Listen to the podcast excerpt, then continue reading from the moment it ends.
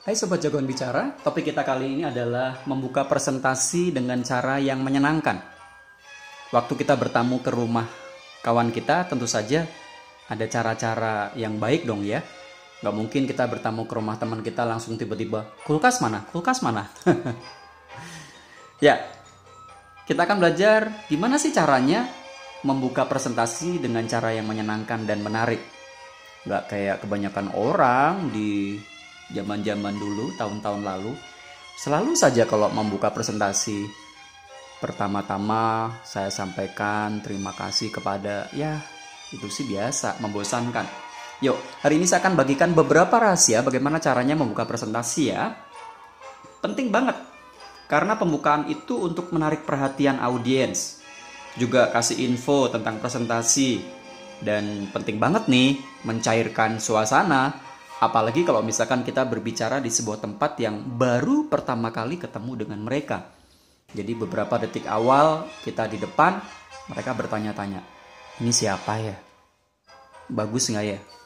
Yuk, kita belajar yuk. Ada banyak cara yang bisa kita pakai untuk membuka presentasi kita. Yang pertama adalah dengan story atau bercerita. Yuk kita belajar beberapa buku tentang ilustrasi atau cerita pengalaman pribadi kita, baru kita masuk ke materi yang sebenarnya. Yang kedua adalah dengan visual impact. Dari kostum kita sudah terlihat sesuatu yang menarik. Atau kita juga bisa menggunakan alat peraga yang bisa kita pakai. Contoh, misalkan kita mau membahas tentang unity atau kesatuan.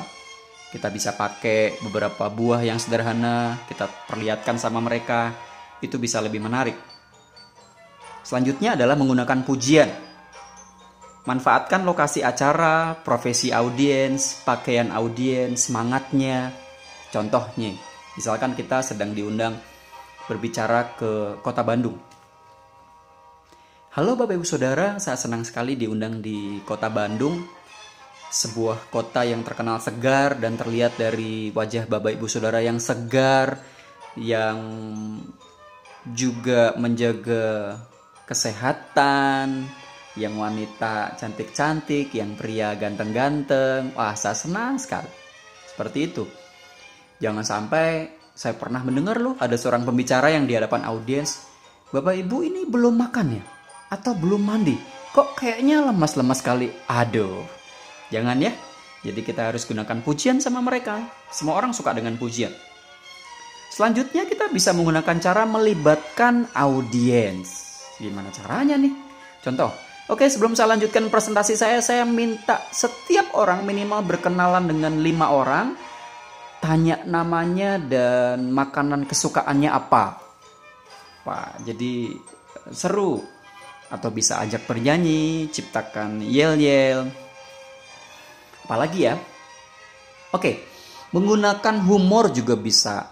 Ya, humor untuk sebagian orang bukan sesuatu yang mudah. Tapi kalau kita baca buku-buku tentang humor, sering mendengar cerita humor, hal ini juga bisa kita pakai. Untuk membuka presentasi juga bisa menggunakan fakta terbaru atau unik. Contoh misalkan, oh hari-hari ini banyak sekali terjadi peredaran virus yang berbahaya yang menyerang seluruh dunia. Itulah sebabnya kita harus waspada dan sebagainya dan sebagainya. Cara berikutnya adalah mengambil kutipan tokoh terkenal. Contoh, Thomas Alva Edison pernah mengatakan bahwa kerja keras itu 95% dan sisanya adalah keberuntungan. dan banyaklah yang bisa kita kutip atau ada ide lagi. Tapi yang pasti waktu kita membuka presentasi tidak menggunakan cara yang begitu-begitu saja.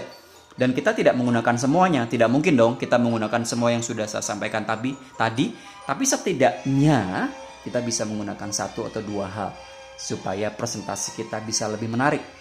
Oke, selamat belajar. Sukses buat kita semua. Saya Andreas Agus dari Jagoan Bicara.